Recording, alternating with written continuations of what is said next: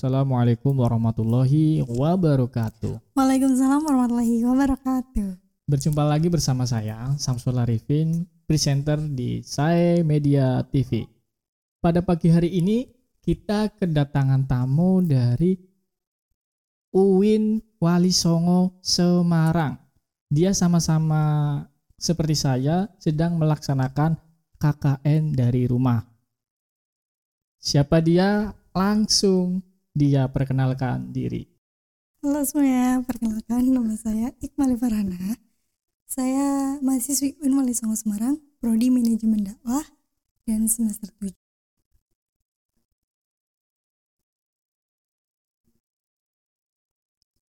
Oh iya, saya lupa. Pada episode ini dia minta bahwa dia ingin jadi presenter. Oke, langsung saya kabulkan.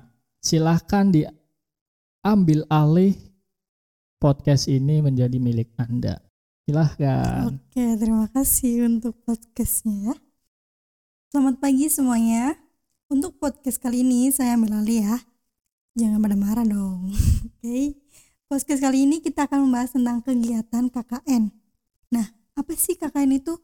KKN yaitu kuliah kerja nyata, yaitu kegiatan perkuliahan dan kerja lapangan yang merupakan pengintegrasian dan pembelajaran pendidikan penelitian kepada masyarakat.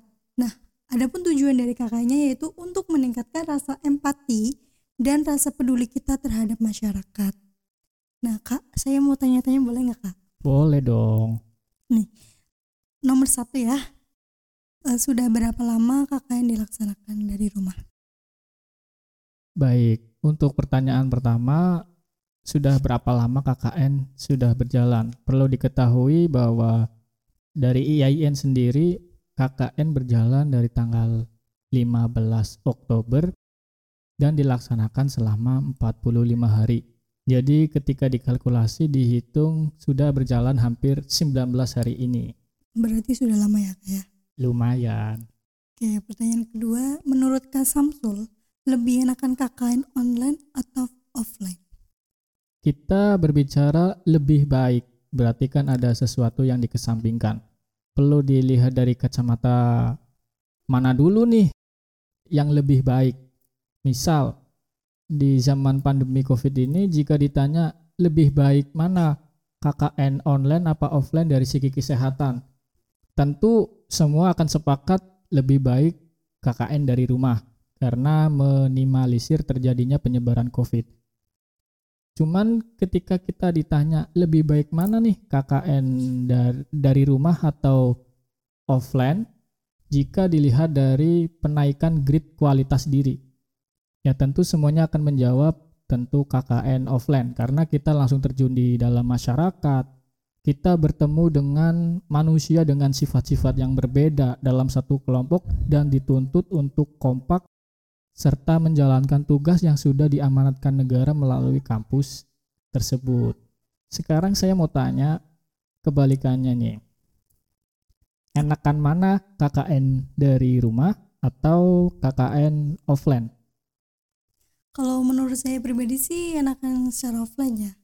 Karena ya itu pertama bisa ngumpul-ngumpul sama teman-teman, bisa lebih luasa dalam kegiatan. Karena kita kalau di rumah kan kuplok-kuplok sendiri, apa-apa sendiri. Jadi pusing kalau mau melakukan kegiatan apa. Kalau ada teman-teman kan enak bisa diskusi bareng, nanyain broker apa ya kegiatan broker selanjutnya tuh apa. Jadi kita nggak merasa sendirian gitu loh. Jadinya lebih tenang, santai dan enjoy kayak gitu sih. Oh, Oke, pertanyaan selanjutnya yaitu proker apa saja yang sudah dijalanin Kak Samsul selama ini? Kalau dari pihak kampus kan menentukan tiga proker, primer, kunder, juga cadangan. Kalau proker primer baru 30% yaitu memberikan edukasi kepada remaja setempat. Saya utamakan itu RT saya dulu karena takutnya kita melakukan pembinaan tapi kita mengabaikan protokol kesehatan atau kita ikut andil dalam menyebarluaskan pandemi Covid ini.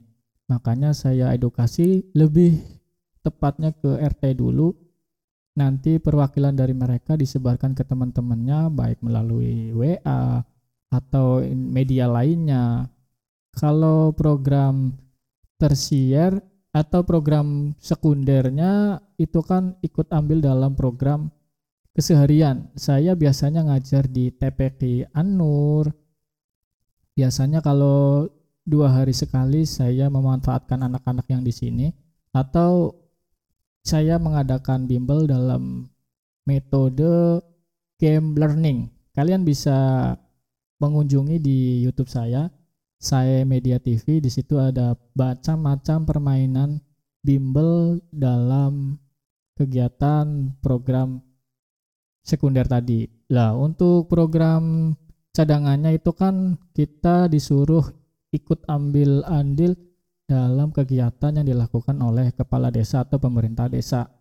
Nah, hal-hal yang sudah saya lakukan adalah yang pertama membantu pemerintah dalam memberikan bantuan langsung tunai yang diselenggarakan beberapa minggu kemarin dan yang terbaru adalah membantu vaksinasi program dari pemerintah desa yang bekerja sama dengan Puskesmas Pagar Barang agar dalam memvaksin masyarakatnya itu bisa 100%.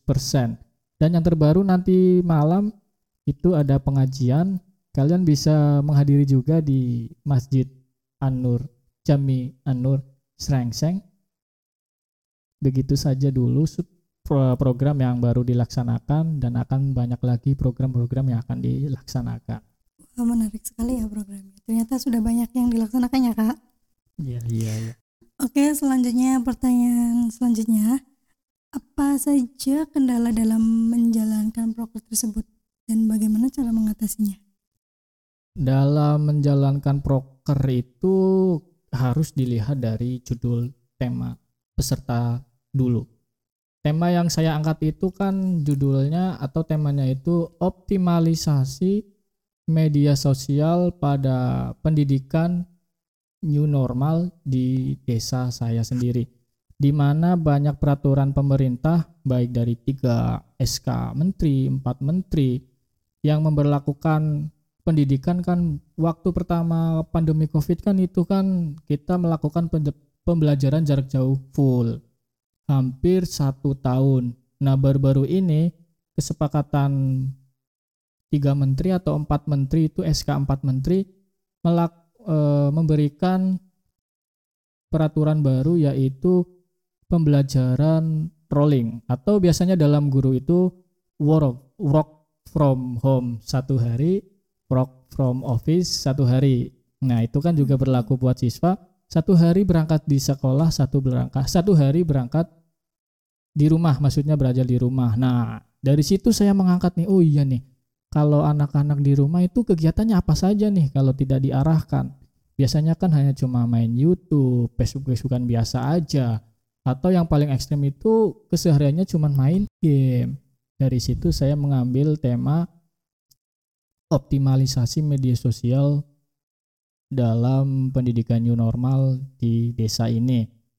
Kendalanya itu yang pertama tentu kurangnya kru tim ya karena saya mengambil KKN dari rumah seperti kamu tahu sendirilah KKN dari rumah itu gimana ya kerja sendiri bikin proker sendiri ngeluh sendiri ya apa-apanya dilakukan sendiri jadi ketika kita memprogram suatu proker itu benar-benar harus dilakukan secara sabar dan bertahap.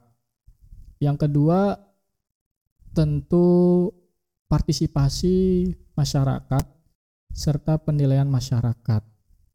Nah, solusinya mungkin edukasi yang bertahap bisa diterapkan. Yang pertama, kita ambil saja masyarakat-masyarakat atau tokoh-tokoh masyarakat yang sangat dianggap atau digugu oleh masyarakat lainnya sehingga edukasi berjalan tanpa adanya konflik seperti itu.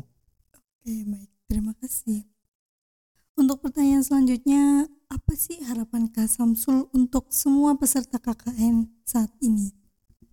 Untuk harapannya semua untuk semua peserta KKN ini semoga berjalan dengan lancar Amin. sesuai dengan rencana juga selamat dari penyebaran COVID juga Amin. dan segera selesai dan menyelesaikan program pendidikannya. Amin. Kalau saya tanya balik nih, kalau kamu eh, harapannya seperti apa? Untuk harapan semua peserta KKN sih tetap semangat walaupun KKN dari rumah. Jangan putus asa karena kita harus menikmati prosesnya. Semua proses yang ada di dalam perkuliahan. Itu sih. Nah, pertanyaan selanjutnya nih buat Kak Samsul. Apa sih pesan dan kesan Kak Samsul untuk KKN atau program KKN yang udah dijalankan selama ini? Untuk kesannya dulu ya. Kalau untuk kesan sih asik, susah juga, mengeluh juga, Waduh, banyak ya. iya. Tapi lebih utamanya itu bil hikmah. Kita bisa mendapatkan hikmah bahwa ketika nanti kita terjun di masyarakat itu, oh iya seperti ini harusnya. Gimana saya nanti seorang pengajar harus gimana? Gimana nanti kamu seorang mahasiswi atau lulusan mahasiswi harus berperilaku seperti apa? Jadi kita diikat oleh norma-norma kesusilaan. Untuk pesannya, apalagi untuk teman-teman saya yang sama-sama sedang KKN, yang KKN tematik tetap semangat, yang punya pacar tolong jangan selingkuh, kasihan pacarnya di rumah. Sedang menanti kalian, kalian asik-asik bercanda dengan teman KKN yang satu tematik ya. Kan candu itu berawal dari canda gitu ya kan. Tuh Jadi- buaya-buaya. Iya benar. Jadi kalau KKN itu ya sesuai yang sudah direncanakan aja lah. Benar-benar kita menyelesaikan pendidikan, harus kompak, serta bertanggung jawab atas semua tugas, termasuk tugas negara, karena negara memberikan mandat kepada kampus untuk menerjunkan mahasiswanya di tempat masing-masing. Untuk mahasiswa yang KKN dari rumah seperti saya, kamu juga teman-teman yang lain, tetap semangat, apalagi ini sendirian. Coba bayangkan dari awal kita menyusun proker sendirian, melaksanakan sendirian, mengeluh sendirian, lalu menangis juga Sendirian. sendirian. Nanti laporan sendirian. Ya, tetap semangat itu juga pilihan kita. Seperti yang kamu bilang tadi, ikuti saja prosesnya. Nah, kalau ini kan hal menarik nih, pesan kita kepada teman-teman. Kalau kamu sendiri ada nggak pesan dan kesan kepada teman-teman yang akan disampaikan? Ada sih. Pesannya jangan pernah berubah selama KKN. Karena kan kita mengabdi bukan hanya semata-mata ingin dilihat sama orang kan. Apalagi ini KKN kerjanya kuliah kerja nyata. Jadi set- setelah kita nggak KKN, kita pun harus tetap mengabdi kepada masyarakat, membantu kepada masyarakat yang membutuhkan seperti itu. Nah, kesannya kesan saya selama KKN, alhamdulillah bahagia, senang karena itu bisa membantu masyarakat sekitar, membantu orang-orang yang sedang membutuhkan, dan anak-anak yang masih kurang dalam belajar. Seperti itu. Terima kasih. Oke, karena ini sudah di penghujung podcast kali ini, yang mau nutup saya atau kamu? Kamu aja soalnya, eh saya ya kan? Saya yang punya podcast. Silahkan. Oke, terima kasih semuanya sudah mendengarkan podcast kali ini tentang kegiatan KKN. Saya undur diri. Kurang lebih mohon maaf apabila ada kata-kata yang kurang berkenan di hati kalian. Wabillahi taufiq wal hidayah. Wassalamualaikum warahmatullahi wabarakatuh.